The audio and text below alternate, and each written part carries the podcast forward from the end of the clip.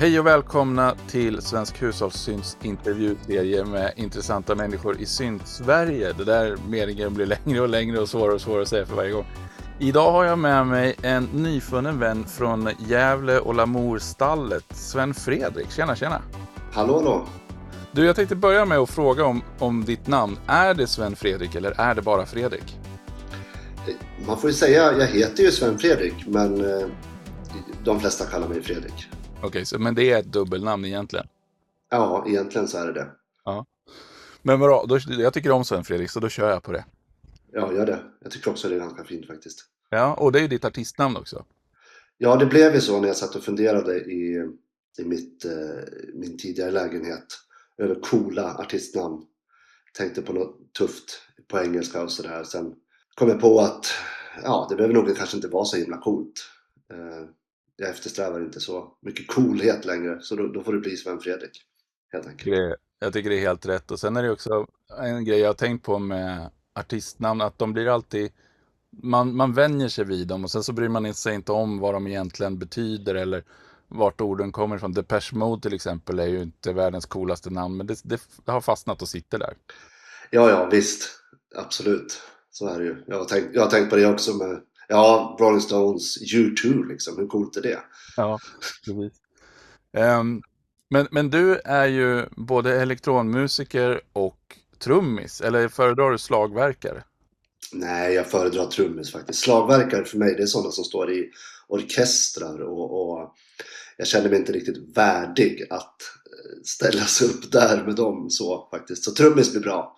Trummis blir bra, men slagverkare det är så här symfoniorkester och så har man en en puka och en triangel liksom och så ska man ha ett jobb under tre timmar. ja, men du måste också vara tajt och du vet, det där är... Trumslagare tycker jag, det tycker jag är fint. Mm. Slagverkare blir lite mer sådär piedestal liksom. Det låter, det låter nästan som ett skrå med en sorts gesällbrev och grejer.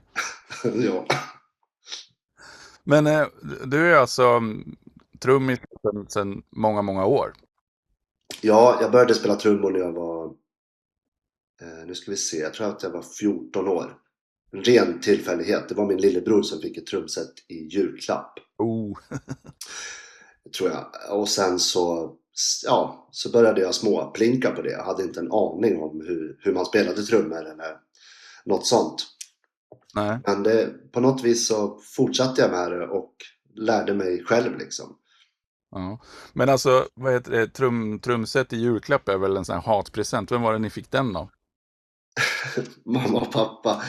Eh, ja, så. Men det var ett sånt här litet mini, du vet, det var ingen riktigt trumset utan det var ett väldigt, väldigt litet. Jag tror att det hette Samic sådär. Det kan ha varit tidigt eh, 94 där någonstans. Ja. Så, 94, 95. Men så det är inte någonting du fick med dig från någon musikskola eller något sånt där? Från... Nej, jag har aldrig gått en, en musikskola faktiskt och eh, ska jag vara helt ärlig så är jag helt kass när det kommer till eh, teori på trummor. Jaha. Jag, jag, jag, vet inte ens vad liksom, jag kan inte skriva upp några takter eller någonting sånt där. Nej. I, i, på papper. Nej, precis. För att jag, jag spelade ju saxofon som barn i musikskola och lärde mig noter och det har jag väl i stort sett glömt. Men jag har för mig att jag såg några sådana här trummisnoter och då istället för att vara ringar så är det ju liksom kryss. Så att det markerar de olika slagen på olika sätt. Va? Ja, precis. Och det kan man ju skriva in i, i noter på något sätt och sen eh, betyder de väl de olika trumstorlekarna så att säga. Ja. Men så du är helt självlärd alltså? Ja, jag, eh, ja precis. Och jag är vänsterhänt också, så när jag började spela så, eftersom 99% av alla trumset är ju vända för högerhänta. Mm. Men eftersom jag är vänsterhänt så satte jag mig bara ner och spelade och då har jag då vänster hand, vänster hand på, på hi-haten. Så att jag sitter ju öppenhandat. Jag spelar ju, de, flest, de allra flesta trummisarna sitter ju med korsade armar. Just det. När de spelar. Och jag ja. sitter med öppna armar. Jag hade aldrig, jag hade aldrig tänkt, jag hade aldrig sett en trummis liksom. Så. Nej. Jag hade aldrig, tänkt, hade aldrig tänkt, tänkt på det. Och för mig är det naturligt att ha vänsterarmen på hi Sen har det bara hängt kvar. Ja. Jag, jag spelar så helt enkelt. Ja, just det, för att eh, hi-haten står normalt sett på vänster sida, men är man högerhänt så vill man jobba på den med högerhanden för att liksom... Ja, vänsterhänt så blir det på höger sida. Ja, så hade det varit i så fall. Om, om du hade... Så hade det varit. Om jag hade gått på trumskola hade de ställt mitt sätt så. Ja. Är det viktigt hur trummorna står nu när vi ändå är inne på, på det här trumsetet? För jag, alltså, om jag har fått bilen tvättad och de har flyttat sätet så tycker jag det känns jobbigt i en vecka innan jag är här. Det måste vara någon liknande grej här tänker jag. Jag är ju jätteextrem när det kommer till den här biten. Eh, och jag var ex extrem åt det andra hållet för, ja vad kan det ha varit? Ja, men backar vi 10-12 år så brydde jag mig inte alls speciellt mycket vad jag hade för symboler eller liksom sådär. Nu har jag faktiskt en, en vad heter det, tumstock med mig. Som alltid är med i symbolväskan. Så jag mäter ut så att jag får virveln lika högt, symbolerna ungefär lika höga och sådär. Det, det spelar alltså, det är inte ex, jag kan spela om det är helt andra höjder. Men jag föredrar att det är ungefär samma höjd jag har i, i min lilla trumstudio liksom. För att då vet jag hur, hur kroppen reagerar på när jag spelar också. Ergonomiskt och bra liksom. Ja, för det är väl inte bara höjd heller, det är väl avstånd också så att det liksom hamnar... Ja, det, mä det mäter jag inte och så, men, men eh, det, blir, det blir oftast bra. Men jag gillar att ha det ganska som jag har det. Okay. Men ja, jag kan tänka mig att det sitter i muskelminnet så att man liksom slår en viss höjd och liksom en viss, en viss hårdhet vid en viss höjd och, och sådär. Ja, det blir ju så. Sen gillar jag att ha virveln bort, lutad bort från mig, så som gamla jazztrummisar har, eller ja, har nu också. Så, inte att den är riktad emot mig utan att den är bort ifrån mig. Ja, Av någon an anledning gillar jag det. Sen ska man ju hålla ena trumstocken uh, i pennfattning liksom också. Har jag hört. Uh, ja, traditional grip. Precis. Mm. Uh, nej, det gör inte jag. Nej. Men, men, jag. men jag tycker det är jäkligt häftigt med folk som spelar så och kan få tryck och uh, svung i spelet. Ja. Även fast de håller den som en, de håller liksom som om de skulle käka sushi liksom. Men de får ändå den här snärten. Det är ja, exakt. vansinnigt imponerad av faktiskt. Men äh, gör du mycket övningar liksom för, alltså ö, övar du mycket för att upprätthålla spelandet så att säga? Eller hur funkar Nej, det? Skrämmande lite skulle jag säga. Jag, eh, jag tränar i stort sett aldrig faktiskt. Jag går aldrig ner och tränar på någonting så här, nu ska jag lära mig den här fillet eller den här. Allting blir i stort sett på känsla för mig. Ja. På gott och på ont. Mest på gott tycker jag, för det är så, det är så jag är i musiken. Men jag är också vansinnigt imponerad av de som kan sitta och träna på någonting i du vet, två, tre år för att liksom öva foten att kunna trampa snabbare och så. Ja. Men jag, jag, jag är, det är bara att inse, jag är inte en sån musiker. Jag, jag går på känsla. Oftast blir det bra och jag lär mig, jag lär mig mycket under, ska man säga, skarpt läge liksom. Jag tror jag gillar den grejen. Jag kan lära mig nya grejer när vi sitter och spelar en spelning eller något sånt där och komma på, ska jag prova det här? Eller, oftast går det bra liksom. Så, mm. ja. Men du repar ju in själva låtarna inför en spelning och, och sådär. Så att Absolut. Det, det, måste ju vara viktigt. Ja, det är jätteviktigt och speciellt nu när jag spelar själv så är det viktigt att få, få en helhet i det. Att få, få det att flyta mellan låtarna och eh, ja, övergångarna mellan låtarna och, och, och allt det där. Mm. Det tycker jag. Det, jag sitter lika länge och pular med en playlist för att det ska bli bra från början till slut. Mellan låtar och alltså hela sammansättningen av playlisten. Li, lika mycket egentligen som jag tränar själva låtarna. Ja. Så att det blir liksom en show av det hela och inte bara ett antal låtar efter varann. Ja, men precis. Eh, det är det. Ja, eller så, att, ja, så att det blir en intressant eh, spelning liksom, för folk som sitter eller står och tittar på den. Mm. Det är väl det. Och för mig också. Sen spelar ju jag trummor alltså i huvudet konstant faktiskt. Det är hela tiden. Jag sitter alltid och trummar på någonting och sådär. Och det har inte, jag tror inte det har att göra med så mycket att jag är nervös eller har någon form av ADHD-hjärna utan att jag har ständigt ett komp i huvudet. Det låter ju galet men det är lite åt det hållet liksom. Det är alltid någon form av takt eller någonting och man kan hitta de där takterna i vad som helst. Sitter du och kör bil, du vet du hör vissa grejer är du ute och går så hör du träden. Det, här låter ju klyschigt men, men det är faktiskt så. Jag, jag söker de där grejerna och, och de kommer till mig liksom på något vis. Jag tror att det där, det där har jag också tänkt på ganska mycket för att jag, jag hör ju takter i min diskmaskin hela tiden. Jag tycker det är en otrolig takt. Eh, Ja, och, och, och, det beror också lite grann på hur man har lastat den och, och vilka... Ibland så skramlar ju vissa saker där i och, och så får det liksom ett e- eget ljud. Men oftast är ju det, jag hör det när det är en vanlig 4-4-takt eller något sånt där. Men ja. du som är van vid lite andra taktarter kan säkert höra fler takter i andra oljud än jag kan. Ja, kanske. Eh, återigen alltså, trummor i teorin är jag inte så duktig på överhuvudtaget. Men eh, jo, men så kan det väl vara. Jag, jag tycker det är... Diskmaskiner och tvättmaskiner kan ju vara intressanta. Ja. Jäkla technokonserter ibland alltså. Ja, precis. Och, och sen är det ju också eh, alltså utomhusljud. Det kan ju vara de här eh, klickerna i övergångsstolpar som råkar samköra om man hör flera samtidigt.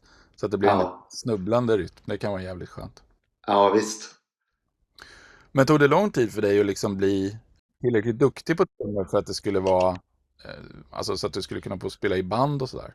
Eh, nej, alltså jag kastade mig ut i det ganska direkt faktiskt. Jag började spela i band. Jag är från ett ställe som heter Valbo som är en bit utanför Gävle.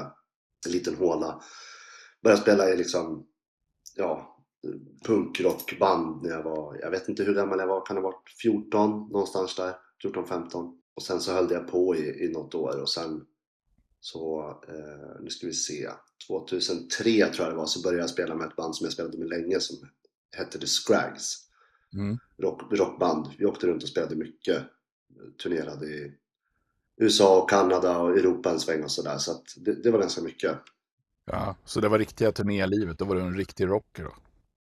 Då var jag en riktig rocker med svartfärgat hår och hår i näsan. Ja, det måste man ju ha. Ja, det blev ju så.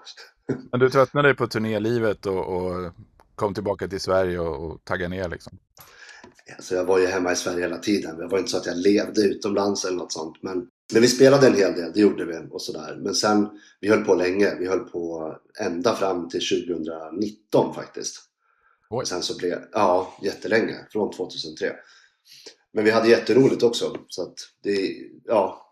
Men saker och ting tar slut liksom. Det, det höll på länge. Alla ville, ville göra sina egna grejer. Mm. Så då, eh, ja, så blev det till slut, ledde det fram till att jag provade mig att göra sologrejer. Precis. Och det är ju det som vi egentligen ska prata om eftersom det här är ju inte en hårdrocks och trumpodd. Det är ju- Nej, en eh, syntpodd. Eh, Eftersom syntar är det bästa som finns. Så eh, du började ju göra lite elektronisk musik då. Var det runt 2019 då? ja, nej inte 2019. Jag tror att jag såg, eh, jag tror att jag såg AKB spela en konsert i en, eh, på ett speciellt ställe i Gävle. Eh, jättefint ställe, väldigt nere vid Rådhuset så. Och då var jag där med min mamma faktiskt och, och hade väl ingen, jag visste, jag vet ju vem AKB är och sådär och, och innan. Och eh, cyklade hem efter konserten och beställde en liten keyboard. Minsta man kunde hitta på Toman tror jag.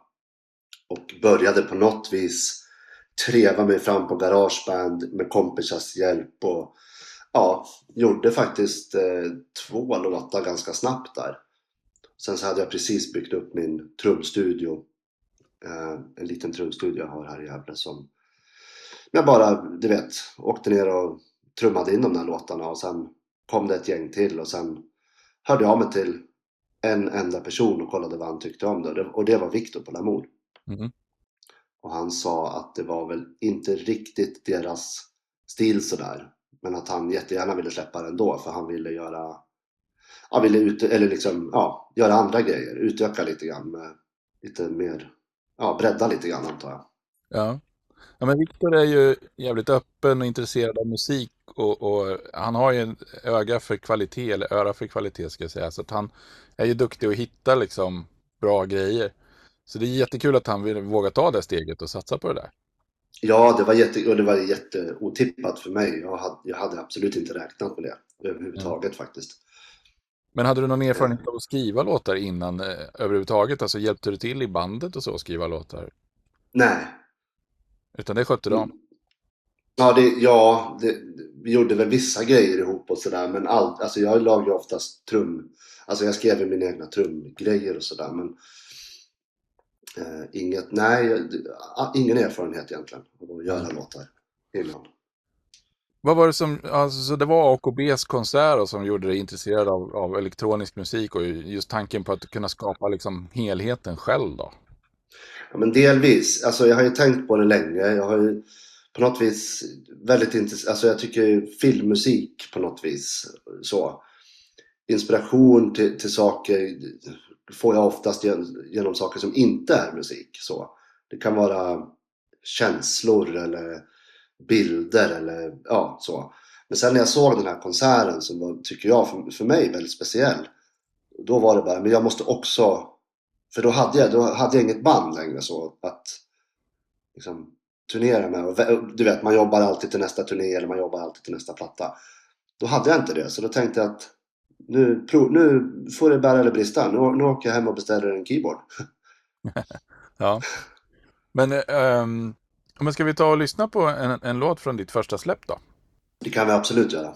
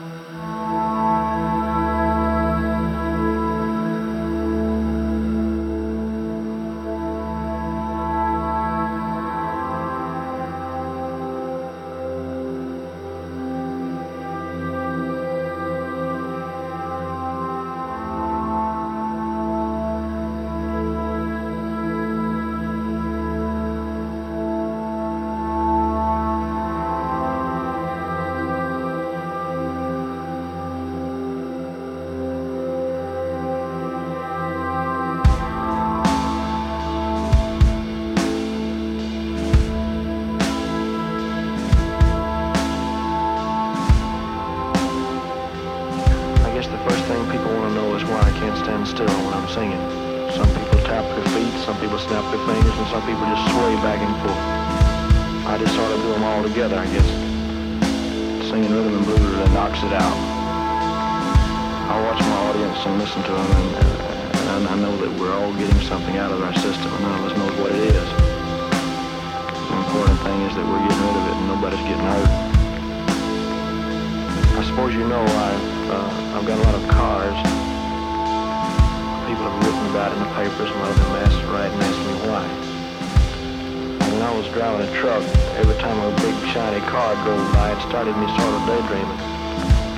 I always felt that someday, somehow, something would happen to change everything for me, and I daydreamed how it would be. The first car I ever bought was the most beautiful car I've ever seen. It was secondhand, but I parked it outside of my hotel the day I got it. I sat up all night just looking at it and the next day, well, the thing caught fire and burned up on the road in a lot of the mail I get, people ask questions about the kind of things I do and all that sort of stuff. Well, I, I don't smoke and I don't drink and I don't go to movies.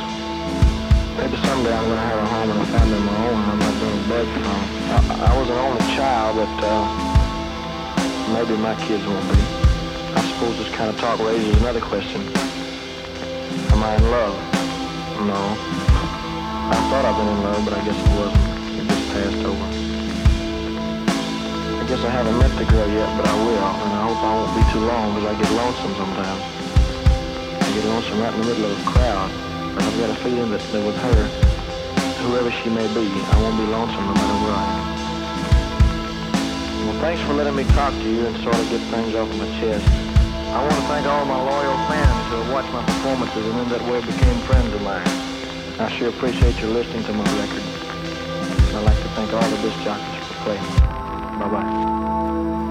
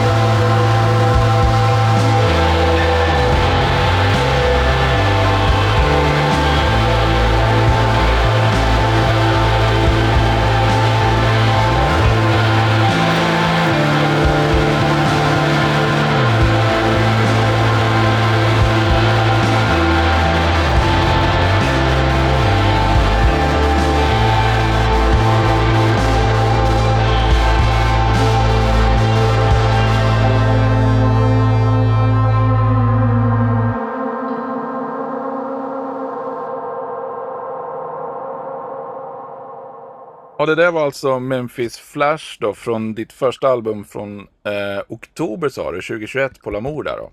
Ja, jag tror att den släpptes 15 oktober. Om Ja. jag minns rätt. Snart tvåårsjubileum då. Ja, precis. Tiden går fort. Mm. Herregud. Det är ju en ganska, alltså den börjar lite lugnt men sen är det en ganska bombastisk låt. Den är ju ganska stor ändå. Ja, eh, den handlar ju liksom om Elvis Presley så den, den, den blir ju bombastisk. Ja, det måste det ju nästan vara om det handlar om honom. Ja, och mycket sorg är det i den tycker jag. Jag tycker alltid att det har varit... Jag, jag är ju stor fantast av Elvis. Jag, jag gillar Elvis. Mm. Men jag gillar inte så mycket må bra Elvis när han, när han liksom var rockabilly och du vet, dansade. Jag gillar, jag gillar mer när han var sorgsen och fångig i Las Vegas. Liksom. Den Ja. tiden av honom. Alltså framåt slutet där då kan man väl säga. Ja, sista, men han var väl i Vegas, herregud, fem sex år i alla fall. Gjorde så här tre spelningar om dagen, du vet. Ja, han var väl den första riktigt stora artisten så han, han, där prövade man väl att bryta ny mark liksom. Ja, plus på att han blev så otroligt blåst och han spelade aldrig utanför USAs gränser och du vet, det där, det är ju... Jag får erkänna att jag saknar ju en del eh, grundläggande Elvis-kunskap faktiskt. Men eh, jag, jag känner ju till mannen så att säga. Ja. Jag har sett någon film med honom också vet jag. Han var ju skådis. Ja, han gjorde ju mot, motvilligt så gjorde han väl eh, typ ett 30-tal filmer tror jag. Åh jävlar. Jag trodde det var Ja. så här fem, sex stycken som han hade varit med i.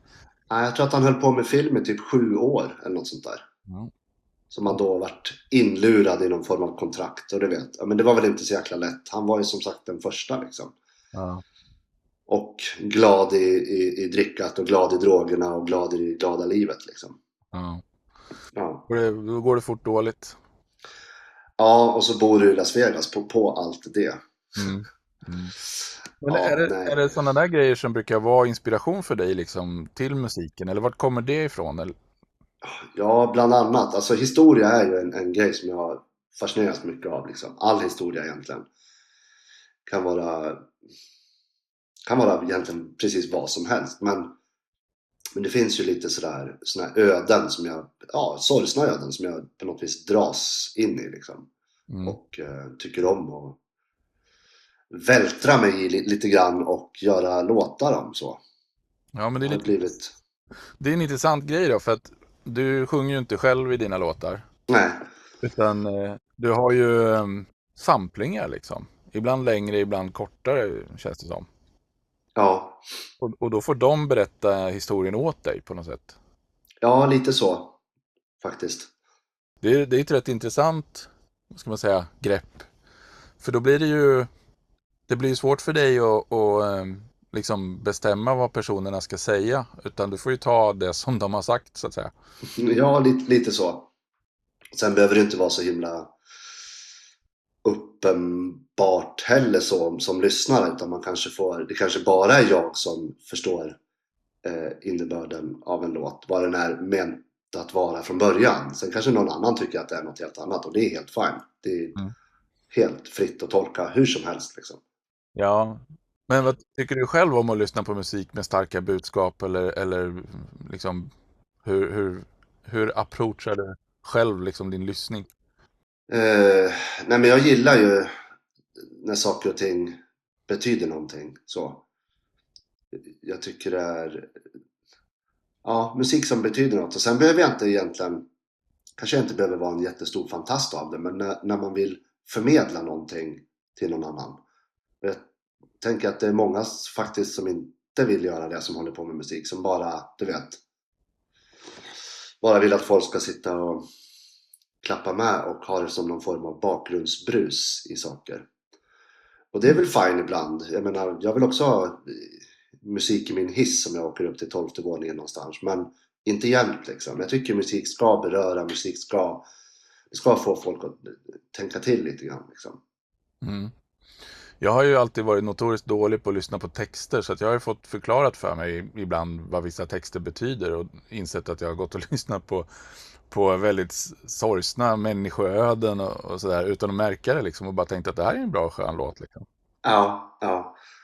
Eh, för jag lutar ju mer åt kraftverkhållet. Jag ser ju rösten som, som en, ett annat instrument som bara är rytmiskt på ett annat sätt. Och Eh, Mm. och, och kanske inte så mycket förmedlare av ett budskap då. Eh, som, man kanske, som man kanske uppskattar om man hellre lyssnar på Depeche Mode eller något sånt där. Ja, Sen, sen kan jag ju också drabbas av vissa texter och framförallt vissa, vissa vad ska man säga, strofer i en text kan ju vara väldigt där, eh, alltså tydliga och greppa tag i en. Och...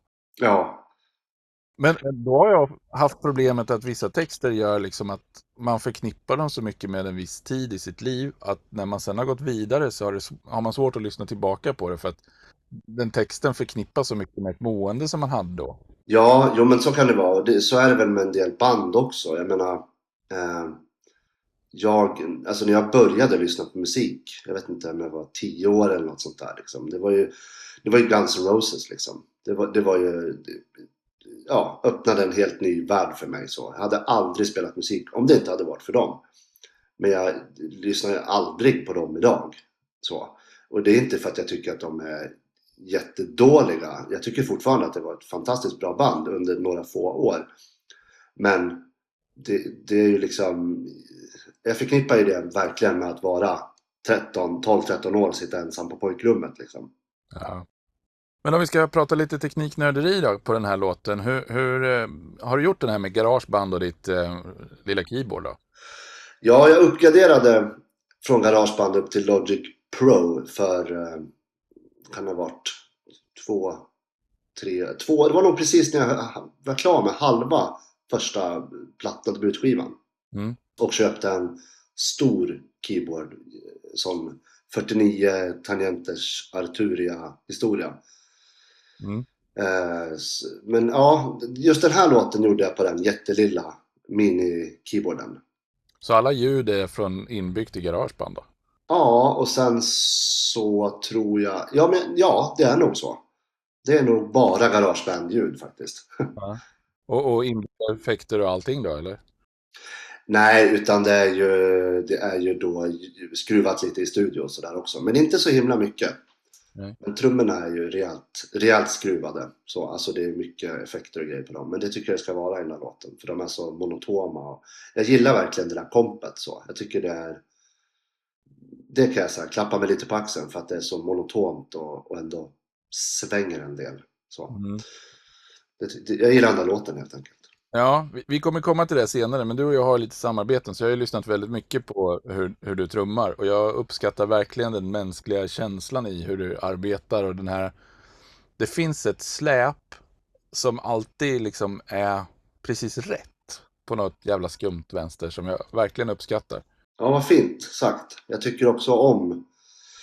Eh, alltså du kan ju sätta eh, en AI-trummis som håller takten konstant. Men det vill du ju inte ha, för du vill ju ha det där lilla, lilla... Och sen om det handlar om hundratusendels eh, släp, s- sekunder släp eller om det är liksom tusendelar. Det, det är någonstans däremellan hela tiden. Men det måste liksom svaja millimetervis Mm. för att du ska få för att du ska få sväng i grejerna liksom. Ja, ja. men det där med sväng är ju också jäkligt knepigt. Jag har försökt analysera exakt hur det funkar, men det är ju inte... Det är så mycket mer i det. Alltså, jag, jag kommer ju helt och hållet från den elektroniska världen och min, min erfarenhet av sväng är ju en ratt som man vrider på. Och, och då förskjuter den ju liksom varannan sextondel lite grann bara. ja. Och, och men, men sväng är ju väldigt mycket mer än så. Ett, ett praktexempel är ju Superstition med Stevie Wonder. Då är det en snubbe som bara liksom slår på en hi-hat i början. Och det, alltså det svänger ju något fruktansvärt. ja, Trots att det i Ja, stort visst. det, det låter ganska rakt. Men man, man, man sitter ju och diggar.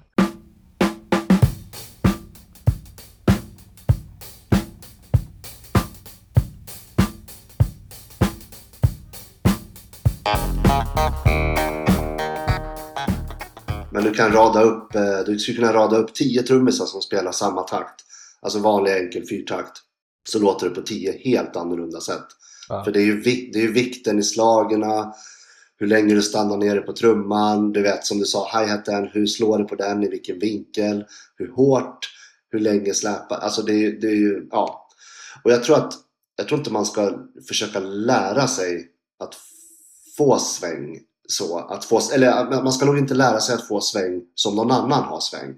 Man får nog hitta sitt egna, mycket sväng nu, man får hitta sitt egna liksom och försöka jobba med det. Och jag, där tror jag känslor och känslan i att våga lita på sig själv och den grejen, att verkligen gå på känsla.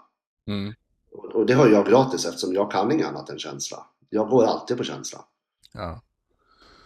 Jag tror att det där är en viktig aspekt, för jag har alltid varit skeptisk till att lära ut konstformer.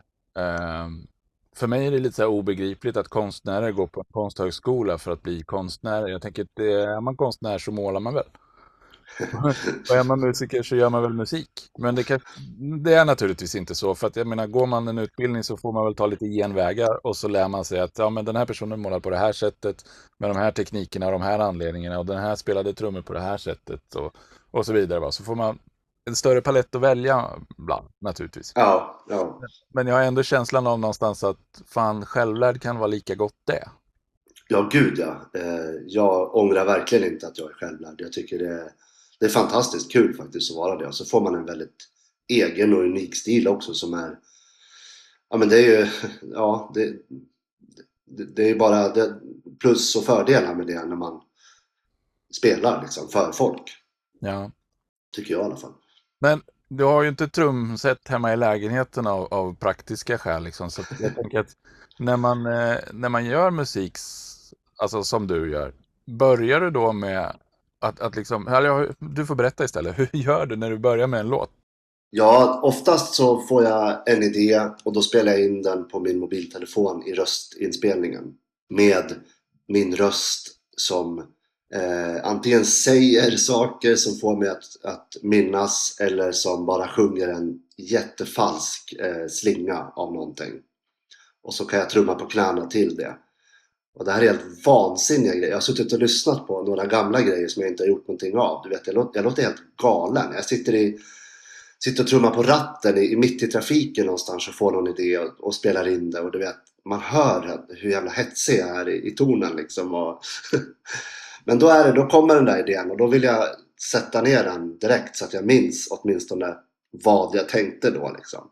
Ja. Och sen så kan, åker jag hem och så kanske det går en fem minuter eller så går det tre veckor innan jag tar tag i det och sen så sätter jag mig vid eh, ja, men Logic och eh, min keyboard då, och eh, Analog Lab använder jag också.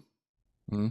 Så, och sen så försöker jag då eh, få ner det här eh, och det är det, det, det är det, här som är problemet. För jag kan verkligen inte spela keyboard, piano, inget, jag kan inte spela någonting egentligen så. Så jag får sitta och trycka tills det låter bra. Vad jag tänker är, jag har ingen koll på liksom eh, toner eller sådär heller. Men jag sitter och trycker tills det låter bra i hjärnan och så spelar jag in det. Och så lyssnar jag på det om och om igen liksom. Och sen när jag tycker att jag har fått till det, då, då tar jag allting Då tar jag datorn och så sticker jag ner till min lilla trumstudio som är en 10 minuters cykelväg, cykelväg bort. Och så spelar jag in det i min trumstudio. Eh, ibland går det på 10 minuter, ibland går det på, tar det 6 timmar. För att jag vill också ha, om jag lägger en trumtagning så vill jag ha den i en tagning. Jag vill inte klippa något i den. Nej. Och från början, från början var det för att jag inte kunde klippa i Logic. Så då var jag tvungen att spela in en, för jag visste inte hur man gjorde när man klippte. Nej. Nu har jag lärt mig det, men jag vill ändå att gör jag en, en låt eh, på trummor, spelar in en låt, då, då ska det vara en tagning. Det har jag sagt till dig förr också, att jag vill ha det i en helhet liksom. Ja. Så. Nej, det är ju... Alltså problemet med att klippa trummor är ju att, att de har ju sån sjung ofta, sån sustain liksom, eller, eller att det blöder över mellan olika, så det är väldigt svårt att klippa utan att det låter hackigt tycker jag. Ja, dels det och sen en annan grej är ju också att du får en annan Alltså avbryter du en, en, en sektion så att säga, eller liksom en låt, så, så då, då, får du någon annan ingång i det när du går in i den. Även om det bara är 20 sekunder senare. Jag tycker att just det så här, helheten i det och, och bibehålla det. Och jag har ju hållit på att bli tokig på sådana här grejer. Vissa grejer har varit svåra att jag har spelat in liksom. Och sådär. Men då, ja, då får jag sitta i fem timmar. Och så lägger jag mig på golvet och tittar upp i taket en stund och sen försöker jag igen. Och det är verkligen så det, det är liksom. Ja. Men det där är lite coolt då, för då har du fått svettas fram materialet istället för att sitta och pluppa ut det i en pianorulle på, i, i datorn. Ja, verkligen. Men eh, det finns ju ändå några, en hel del slingor i dina låtar som låter ganska så här, ja men som en sequencer som du har suttit och programmerat noterna i. Men det är handspelat alltihopa det också då? Eh, Nej, det är, det, vissa grejer är handspelade, andra grejer är sequences som jag Ja. liksom har skruvat till och ja, ändrat BPM i eller, eller sådana grejer. Ja. Så det är absolut inte att jag sitter och, och trycker, jag är ingen Elton John liksom, du vet. Viss, vissa grejer är sequences, andra grejer är som jag sitter och trycker. Men eh, alltså, sen är det ju en stor del av, av syntgrejandet att sitta och skruva ljud själv tycker jag är jätteroligt. Hur, Mm. hur, hur har du lärt dig det? Eh, ja men återigen, jag har inte lärt mig det utan jag, jag lär mig fortfarande på något vis. Jag, jag sitter och... Det är jäkligt svårt att förklara men, men det är verkligen som att allting blir att jag gör det för första gången på något vis. Det, det, jag sitter och skruvar, okej det blev bra. Eh, då jag, försöker jag göra det igen och igen och igen och så spelar jag in det, du vet. Det, det är verkligen så. Mm. Eh, jag tror inte jag skulle kunna sätta mig och göra de här låtarna igen. Eh, och så skulle det låta på samma sätt. För det, det är liksom en process som, som håller på. Oftast är det en kväll liksom. Jag sitter i 6-7 timmar och sen så Sen får det vara bra med den låten för då är den klar. Förhoppningsvis.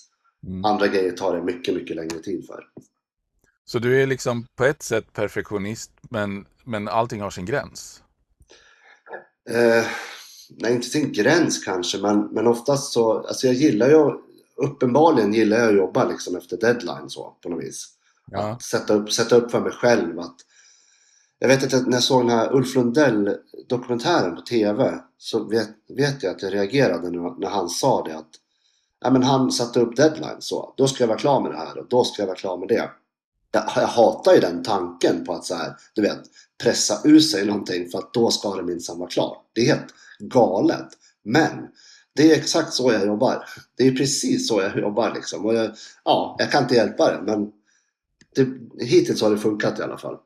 Ja, och du har ju varit produktiv under de här åren för det har ju både blivit några singlar och så nu är det ett nytt album på väg så att det är liksom det är väl kanske det man behöver annars är det väldigt lätt att sitta och mixtra och greja tills man liksom har filat sönder någonting egentligen nästan.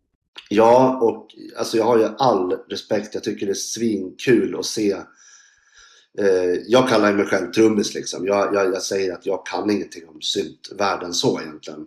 Så jag, jag försöker att inte nörda ner mig för mycket i det. För jag är så otroligt nördig när det kommer till cymbaler, trummor.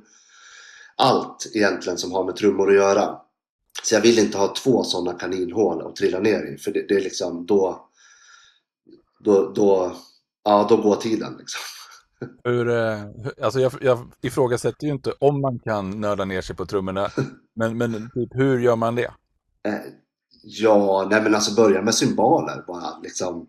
Det är ju en hel historien med symboler överhuvudtaget. Eh, Siljan kanske har hört talas om. Ja, för mig är det bara en, plåt, en plåtskiva liksom.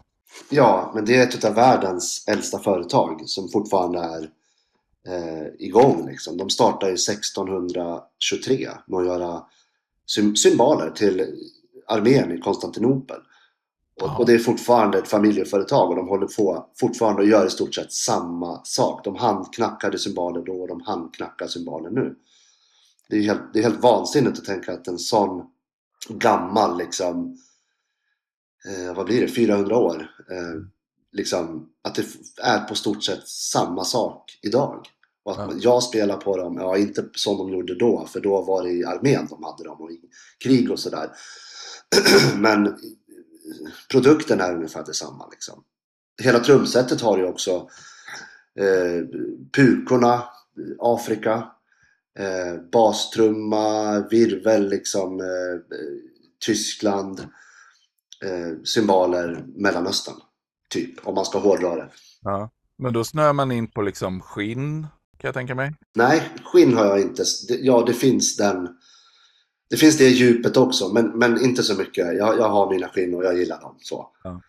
Eh, träslag är väl också en grej som jag... Symboler är ju min stora... Eh, där har jag liksom passer, ja, passerat galen för länge sedan. Men vad best- alltså en symbol består ju av en plåt som är böjd till en viss form och handknackad till en viss form för att få ett visst ljud då helt enkelt. Ja. Och sen är den ju polerad och, och, och sådär. Och alla symboler är, låter ju... De har ju ett unikt ljud liksom. Eller ett unikt eh, ja, sound. Du kan ha en symbol från Siljan som är 20 tum, samma serie, samma modell, samma år. Och så låter de helt olika. För att om de då är handknackade, alla symboler är inte hand, handknackade med hammare. Jag gillar ju mörka, handknackade, du vet, lite tystare symboler. Mm. Sådana, sådana som är, kostar som en bil liksom. typ. Nej, inte som en bil, men som min Golf ungefär. Det, det, det är vansinnigt dyrt med symboler, men det är också vansinnigt kul. Men är det någonting som slits eller är det någonting som... Ja, alltså det beror på hur du spelar på dem. Om du spelar liksom grindcore och metal och sådana grejer, då spräcker du symboler. Men spelar spelar du lugnare grejer så gör det inte det. Och då, och då när du spelar lite lugnare så kommer inte plåten utmattas på något sätt utan den kommer att hålla resten av livet då, typ? Ja, absolut. Det gör den. Sen kan den absolut gå sönder ändå. Eh, ja. Men de håller nog. Men då om man köper en symbol för tiotusentals kronor så kan man räkna med att få behålla den och sen kanske sälja den vidare i någon dag? Absolut. Det, absolut. Men då har du ett, en uppsättning symboler så väljer du kanske ut vad som passar för låten du ska spela då? Ja, precis. Jag, jag, det är precis så jag gör. Jag har en uppsättning som är de ljusaste jag kan tänka mig. Eh, och de är fortfarande ganska mörka, men som jag kan tänka mig. En uppsättning av dem och sen en ungefär i mitten och sen en som är jättemörk och jättetorr. Så. Mm. Tre uppsättningar, det, där får det stanna känner jag. Det... Men när du säger ljus och mörkt, är det så diskant och bas eller? Man, ja. ja, ett mörkare, en mörkare wash liksom. En pingigare Desto guldigare en symbol är, desto mer blänkig de är, desto ljusare och bright låter de. Liksom. Är det, är det en följd av tillverkningsprocessen eller har man målat dem så med flit för att det ska, för att det ska kännas så? Nej, det, det är tillverkningsprocess. Du, du, du slipar ju dem liksom, eller du, du putsar dem liksom.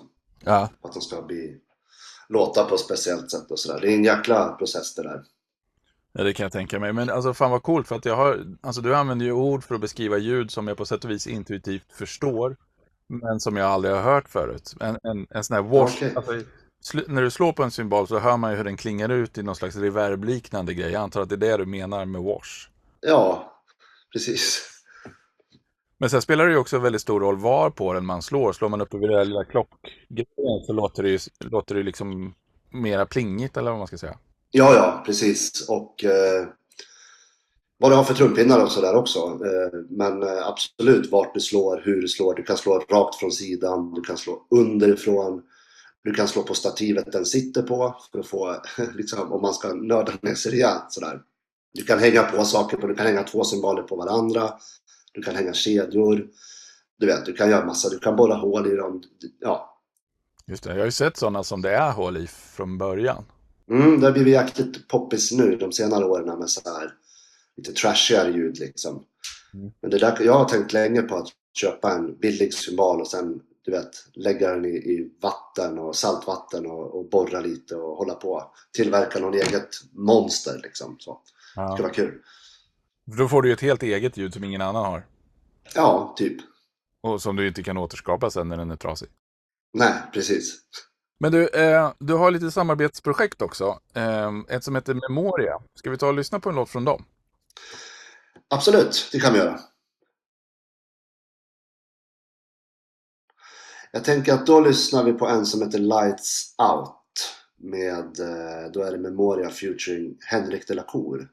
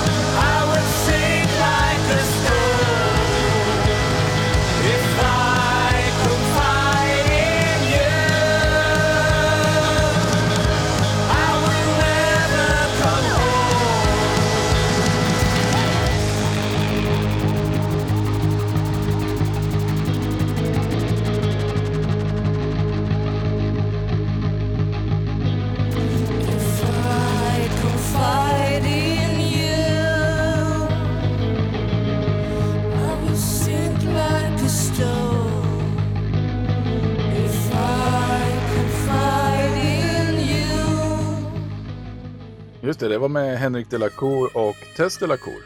Precis. Hur kom det samarbetet till? Med mig så...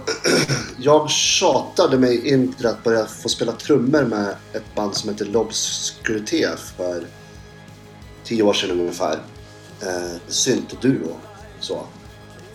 Eh, som Tess då var med i och en kille som heter Rickard Folke som har hjälpt mig sjukt mycket med, med uppstarten på mitt soloprojekt med, med Garageband och, och Logic och allt vad det är. De hade en syntduo tyckte jag det var så himla bra. Så frågade jag, behöver ni en trummis? Nej, det behöver vi inte, sa de så. Eh, ja, men jag kan väl vara med på ett rep? Så här, Nej, men vi ska inte ha någon trummis. Ja, men ett rep så tar vi någon öl efter. Typ så. Ja. Så var jag med på ett rep. Och sen så kom de på att de behövde en trummis efter det repet. Det är ju skitkul ju.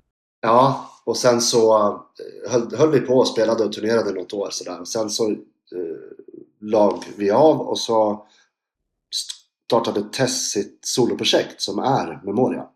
Ja. Och sen så ville hon ha livemusiker och även på vissa inspelningar och sådana där grejer liksom. Ja. Och då så frågade hon mig och så sa jag nej men eh, ja, jag var inte så sugen direkt i början. Så här. Vi hade precis spelat med L'Obscurité men då övertalade hon mig att prova en gång och sen så, ja, så gjorde jag det och sen så vart jag kvar där. Och det är jätteroligt. Fick du Så. tillbaka din egen medicin då? Verkligen, verkligen. Men det är superkul. Vi, hon spelar ju, eller vi spelar ju en, en hel del, åker runt och ja, sådär. Så det, det är superkul. Och vi har egentligen bara hon gör låtarna helt själv. Eh, ibland lägger jag trummor på, på vissa grejer på hennes plattor. Eh, annars är det datatrummor, liksom, elektroniska trummor. Och sen så repar vi in eh, låtarna inför en spelning. Oftast ett genrep och sen så åker vi ut och spelar. Liksom. Mm. Och då spelar du även de, de programmerade trummorna. De blir live då, live så att säga. Ja, precis. Det är ju perfekt. Jag måste bara fråga, eh, ser, du, ser, ser du ner på folk som programmerar sina trummor med, med usla samplingsbibliotek? Eller liksom, Absolut inte. nej, det är bra. Nej, det tycker jag inte. Jag, jag tycker... Nej, jag ser inte ner på någon som skapar eller gör någonting faktiskt. Jag, jag tycker alla som gör något eller skapar något här i världen är, eh, gör något bra. Jag håller helt med. Jag tycker man ska inte vara snobbig och, och, och se ner på någon som gör någonting som den tror på och tycker om och, och, och sen visar upp och säger hej, titta vad jag har gjort. Det här tycker jag är fint. Det är jag stolt över. Ja, precis. Men, men ehm, har du några tips för en person som inte har tillgång till en riktig trummis och skulle vilja ha lite bättre liv i sina programmerade trummor? Nå någonting att tänka på? Oh, som inte har tillgång till trummis. Ja, men precis. Om man sitter med Logic själv nu då, och så vill man göra musik och så tycker man, ja men mina trummor är för jävla stela, vad ska jag göra? Eh, nej, det har jag faktiskt inte. Jag har inga tips på det för jag har aldrig programmerat trummor på det sättet. Nej. Eh, men eh, ja, nej. Köp en kontaktmikrofon och eh, sån här liten och trumma på knäna och spela in det. Och se vad som händer om du gör den grejen liksom. Faktiskt så har jag mixat åt en snubbe som just spelade på knäna. Eh, jag vet inte om man spelade in det med en kontaktmikrofon eller om man bara hade någonting nära, men, men det var liksom knäspel. Ja, vad fett. För det det var, trevligt. ja, för det gav lite extra rytm på något eh, skumt sätt. Riktigt. Ja, Men eh, kul. för när jag har försökt programmera trummor och tyckt att de har varit lite för stela så har jag försökt läsa på på nätet och sånt där. Och ett tips jag fick var Ja, men försök få dina trummor att låta lite mer naturligt för då kommer hjärnan på den lys- som lyssnar automatiskt koppla ihop det med, alltså med, med människor som trummar dem.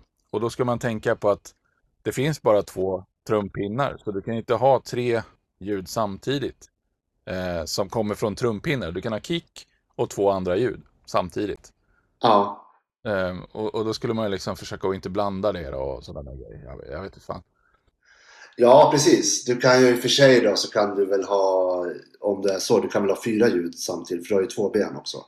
Du har ju ett, Ja. på hi-hat, ett på hi-haten och ett på bastrumman och två händer fria.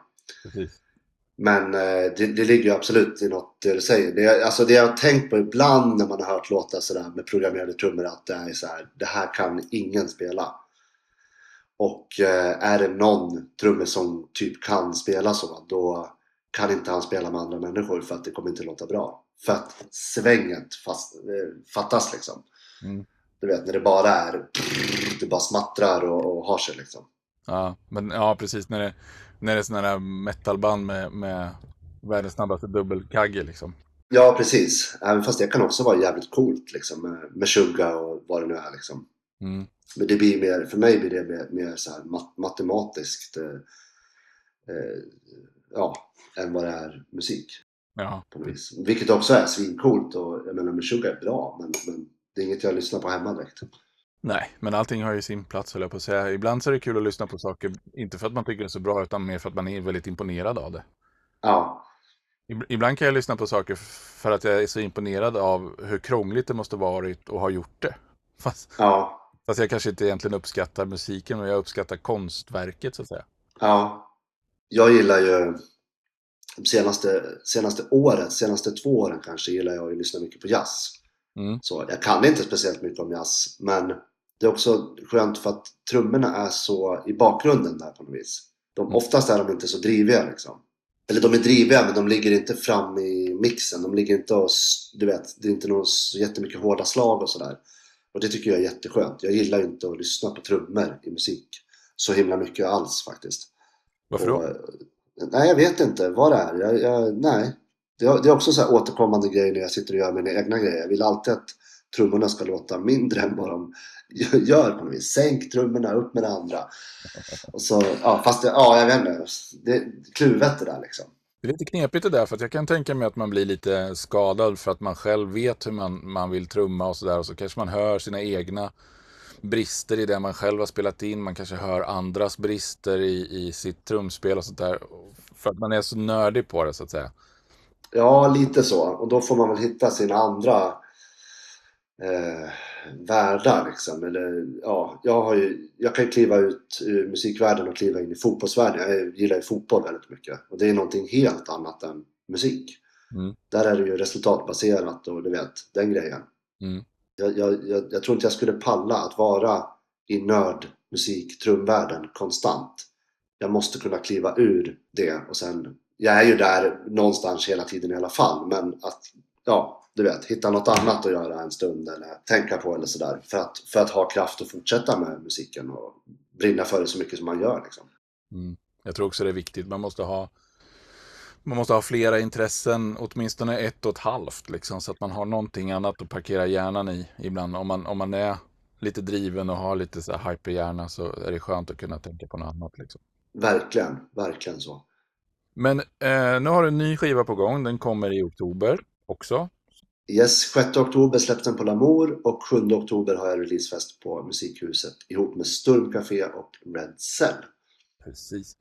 Och det blir ju nästan precis två år efter debuten då. Ja, nästan precis faktiskt. Med en veckas eh, ja, differens. Men absolut. Det känns jättekul. Det känns skönt att få ut den här plattan. Det känns som att den är gammal redan faktiskt. Jag är ju en nostalgiker när det kommer till andra människor men jag är absolut inte nostalgisk när det kommer till mig själv. Så för mig är den här redan gammal och jag vill gå vidare och göra nästa grej. Du vill bara ha iväg den liksom. Jag vill bara ha iväg den men det, samtidigt så är det fantastiskt kul att släppa en helt egen LP-skiva. Det hade jag inte kunnat drömt om för två och ett halvt år sedan. Liksom. Nej. Nej, men det måste vara en skön känsla. Ja, det blir superskoj. Men hur skiljer den här sig från förra skivan? Min första tanke när jag började med den här skivan var att jag skulle göra den helt själv och inte ha några gäster eller någonting på den. Alltså helt plain så. Mm. Sen hade jag någon helt galen idé direkt i början där att jag skulle ha massa... Det skulle inte vara live-trummor på den. Det skulle vara, det skulle vara drum pads och den grejen. Eh, så gjorde jag någon sån grej och visade upp för Viktor och han var så här Nja, det här är liksom, du är ju en bra trummis och din grej är att du spelar trummor till elektronisk musik. Varför gör du inte bara det? Mm. Så åkte jag hem och så funderade jag på det och sen så kom jag på att ja, vad fan, det är det, det, är det jag gör liksom. Ja. Så då så gjorde jag om de tidiga grejerna eh, och gjorde dem väldigt trum, vad ska man säga, trumcentrerade liksom. Det är många låtar som är ganska centrerade runt trummorna i den här som kanske inte var på samma sätt på den första plattan. Nej. Och sen så blev det att det, att det självklart kom med massa gäster och tror jag fem personer med som är med och gästar och, på den här plattan. Men, men det är ju så också, musik är ju så jäkla kul. Det är en gemenskap liksom.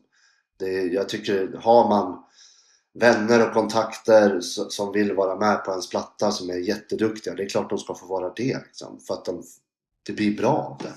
Ja. Och det är roligt och jag Tess de la Cour är med, med, med, är med på den här plattan och, och sådär bland många fler och, och så att det, det ja det känns, det känns riktigt roligt faktiskt.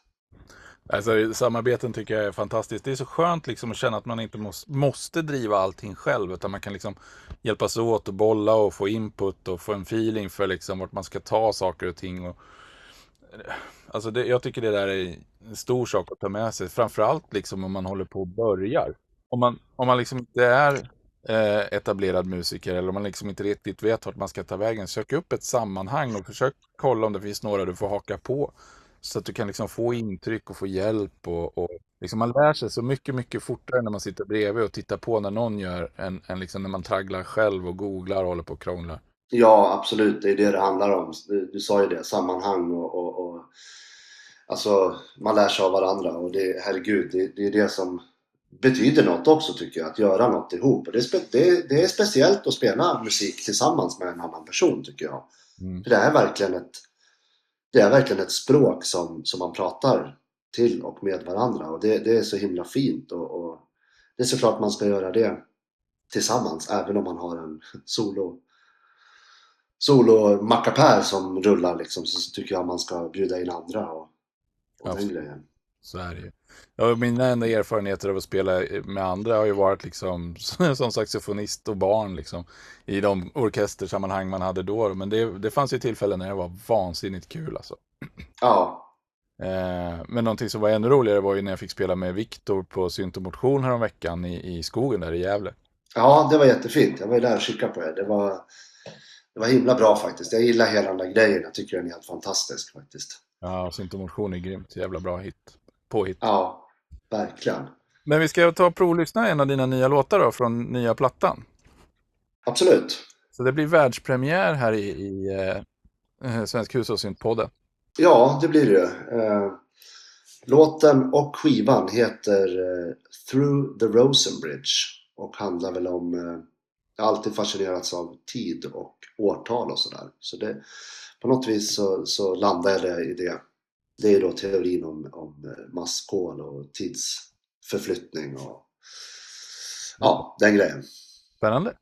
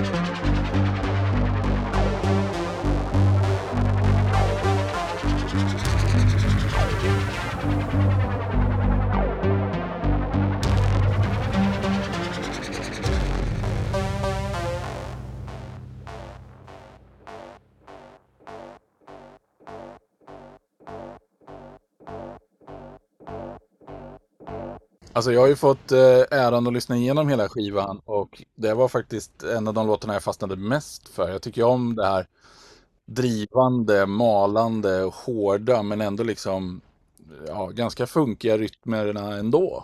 Ja, den här kom, kom till på någon... Jag vet inte fan vad jag gjorde om jag var ute och sprang eller någonting sånt där och hörde någon låt. Och sen så... Jag brukar inte lyssna på musik när jag springer. Jag brukar inte springa så ofta heller ska jag erkänna. Men när jag väl gör det så, så tycker jag om att springa i tystnad faktiskt och lyssna på mina egna flåsningar. Mm. Men då så lyssnade jag på någon låt och sen så stängde jag av musiken. Och sen så tänkte jag att jag ville göra en låt som liksom med någon form av känsla att man ja men typ sitter i en husvagn i, i skogen och har ett, ett rave. Eh, du vet, 40 pers i en husvagn och slåss och festar och kramas. Och, typ Snatch fast ta bort, ta bort det roliga och glamouren. Sätt in det i total jävla misär i, i någon avkrok i Ryssland i en husvagn. Typ så. Med björnar som står och puttar på ute. Ja, ja, visst.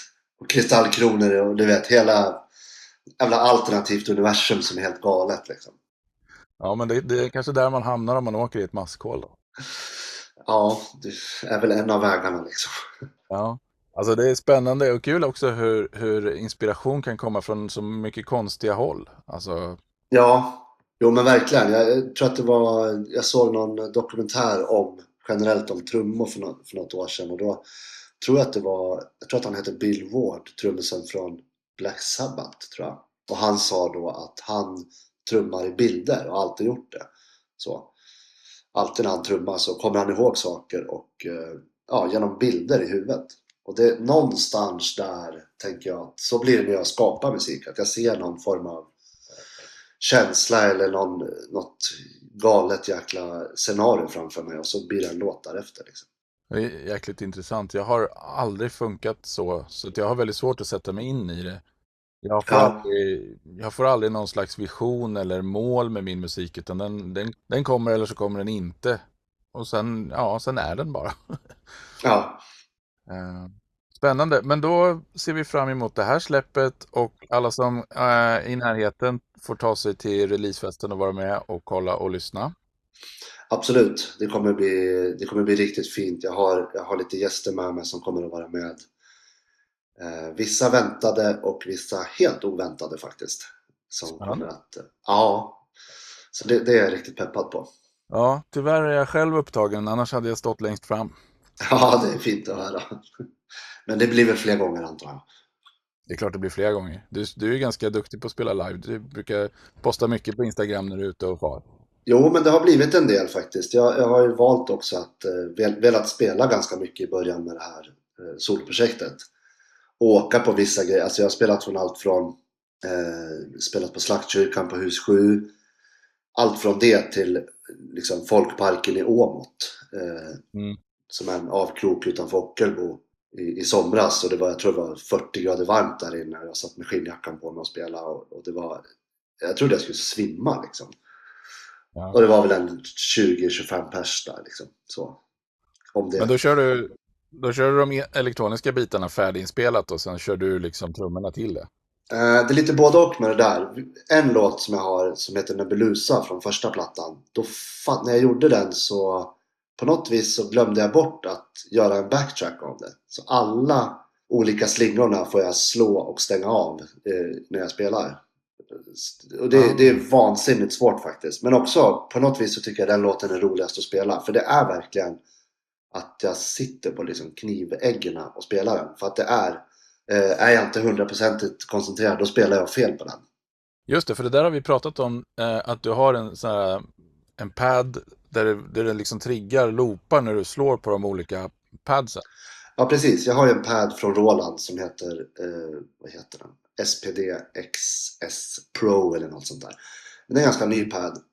Och då är det nio stycken träffytor på den då. Och sen, eh, och i den här låten som är så svår att spela, då, är det, då använder jag alla nio hela tiden. Och spelar ett väldigt svårt komp på trummorna samtidigt. Så det är verkligen, ja, jag får verkligen koncentrera mig för att, för att det ska bli rätt. Liksom. För allting måste då, alla de här nio måste hamna i takt med varandra. Plus trummorna liksom.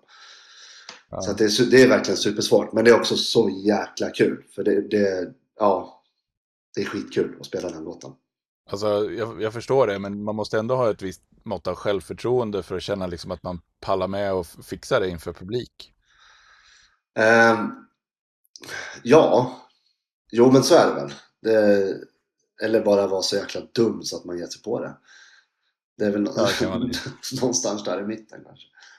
Ja, nej, men jag tycker det är fränt. Och sen så, jag menar, det blir väl så någonstans också att när man känner sig, när man känner sig tillräckligt duktig på någonting så, så blir det ju, man blir flytande i det precis som man blir flytande i att tala ett annat språk och efter ett tag så är det inte läskigt att, att prata med andra människor på deras eget språk fast man egentligen inte riktigt kan det. Och det är samma sak här. När du själv känner dig flytande på trummorna så vågar du ju liksom spela upp det. Ja, Det blir som ett språk liksom. Jo, men precis. Exakt så är det ju faktiskt. Och det, det är det som är också så himla kul att ibland så tänker man ju inte ens, då bara kroppen bara gör liksom. Det, det, Ja. det blir som ett samspel mellan muskler och hjärna. Men så är det ju generellt med musik. Men det är också det, det, det är ju speciellt att, att, att spela helt själv liksom. Sitta helt själv på en scen. Så. Annars brukar man gömma sig bakom trummorna lite grann så. Du har en basist framför dig, en gitarrist och en sångare oftast. Men eh, här blir det ju att det är jag och trummorna liksom. Ja. Så. Sant. Ja, och sen så, eh, vi känner ju varandra efter att du hörde av dig till mig på Instagram för, ja vad kan det ha varit, lite dryga år, ett år sedan kanske? Lite mer? Ja, någonstans där.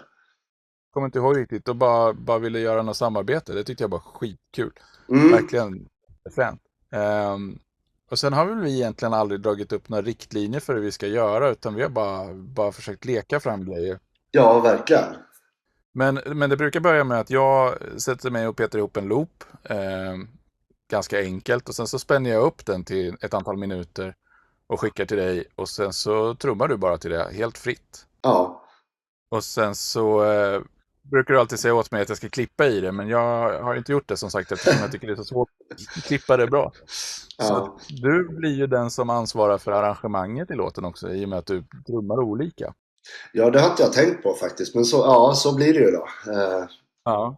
Och sen när jag får tillbaka den så bygger jag ju upp låten runt hur du har trummat liksom. Ja, men jag tycker det är jätte, alltså hela det där, det där eh, projektet vi har liksom tillsammans, jag tycker det är fantastiskt roligt och det, det, det är så otroligt kreativt eh, eh, sätt att, att, att jobba också liksom att Ja men att lita på varandra, jag menar, du och jag känner ju inte varandra egentligen så liksom. Vi, det, så, Nej. så att, och så har vi gjort ändå, vad har det blivit? Fem, sex låtar ihop? Något sånt. Ja, i olika grader av färdigstadie liksom. Ja, jo precis. Eh, så att jag tycker det är, och det, det är verkligen, det är samma där, det, är att man sitter på kniväggen liksom. Det är utmanande, man måste få det att bli intressant. Men vissa loopar jag har fått av dig 7, 6, 7, 8 minuter långa liksom.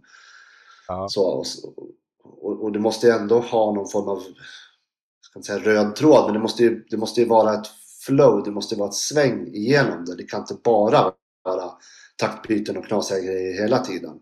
Men samtidigt så måste det ju hända någonting för att Ja, så, så att jag tycker att det, det är jätteroligt faktiskt. Jag, jag utvecklas mycket genom att jobba med dig. Vad kul. Och jag också, för att jag, jag har alltid liksom fått ansvara för trummorna själv och tyckt att det är liksom, de blir ju väldigt statiska och tråkiga eftersom jag sitter och programmerar dem och liksom egentligen inte vet vad jag håller på med. Så här får jag tillbaka någonting väldigt dynamiskt som är dels måste lyssna på mixen i och, och liksom försöka anpassa den efter musiken och sen anpassa musiken efter mixen och sen liksom inte förstöra dynamiken i det utan liksom använda dynamiken och sen kanske ibland förstärka den och ibland liksom bara följa den och så där. Så det har varit otroligt spännande och utmanande. Mm. Jag är jättetacksam för det, men det är synd bara att det tar så fruktansvärd tid för mig att färdigställa låtarna när jag väl får tillbaka dina trummor. För det, det är där det fastnar nästan egentligen alltid. Ja, men vi har väl ingen, vi har väl ingen deadline på den grejen så. Utan det, det får väl bli när det blir, tänker jag. Ja, men jag skulle väldigt gärna vilja komma ut och spela live med det, så det skulle vara fint om vi kunde släppa det här och sen kanske spela någon gång nästa år. Ja, men det ska vi. Absolut. Det tycker jag. Det vore skitfränt. Gud ja. Självklart. Ja, vi har väl egentligen inte bestämt oss för ett namn på projektet, men jag vet inte varför. Men jag fick för mig att namnge låtarna på franska. Eh, helt enkelt bara en, en, en löp, ett löpnummer, en siffra. Mm. Och den här låten heter ju då Quatre, eller fyra. Ehm, så det är den fjärde vi gjorde. Och ja, på fransk temat då så, så bestämde jag mig för att leta rätt på lite samplingar. Så i slutet så har jag hittat så här bra fraser att kunna på franska som jag har lagt in. Men jag har, jag har, jag har fuckat upp rösten ordentligt så att det, det hörs knappt vad hon säger. Men det, det var jätteroligt att leka med. Ja, jag, Och, eh, jag tycker det är helt fantastiskt faktiskt. Ja, ja men det är kul med röster. Eh, och, och sen så tycker jag det var så jäkla roligt att jobba med den här låten för att eh, jag vågade mig på att bråka lite med dina trummor så att jag har kört dem genom lite knasiga effekter på vissa ställen. Ja, Eh, det har varit skitkul. Och för det här är också en sån här grej. När man samarbetar med folk, hur mycket vågar man ta ut svängarna och, och vad vågar man göra? För någon, någon kanske tycker att den har gjort världens coolaste insats. Och så lägger man på lite effekter på den och så blir den jätteledsen för att man har förstört ens megajobb då. ja. Men du har, varit, du har varit så otroligt ödmjuk och smidig att jobba med och bara gillat typ allt, allt vi har gjort liksom. Ja, och jag, jag ska också säga då att det är liksom inte att jag säger ja du får göra vad du vill. Jag är väldigt picky med saker liksom. Men jag tycker att om någonting blir bra, då blir det bra. Och du är jävligt duktig på det du gör och, då- och då tycker jag det är kul att, att, du, att du gör någonting med trummorna som jag aldrig skulle komma på tanken att göra. Liksom. Så, det är ju ett öppna, men återigen att spela tillsammans med någon, att lära sig att okej det kan låta så här också. Det, att bredda spektrat liksom av vad som går att göra med, med musik eller trummor. Jag tycker det är, det är bara kul. Ja, ja, det är skitkul att jobba med. Och sen är det ju så kul att, för mig liksom att få prova och mixa ett trumset. Det är ganska stökigt. Men det finns många möjligheter att göra det riktigt, riktigt bra också. Ja, ja visst. Så det är kul. Eh, men vet du vad, jag tror att vi säger tack för idag och sen så avslutar vi med våran låt då. Det gör vi. Toppen, toppen. Vi ses och hörs Niklas. Toppen. Det gör vi. Tack så mycket för att du ville vara med. Jajamän. Hej då! Hej.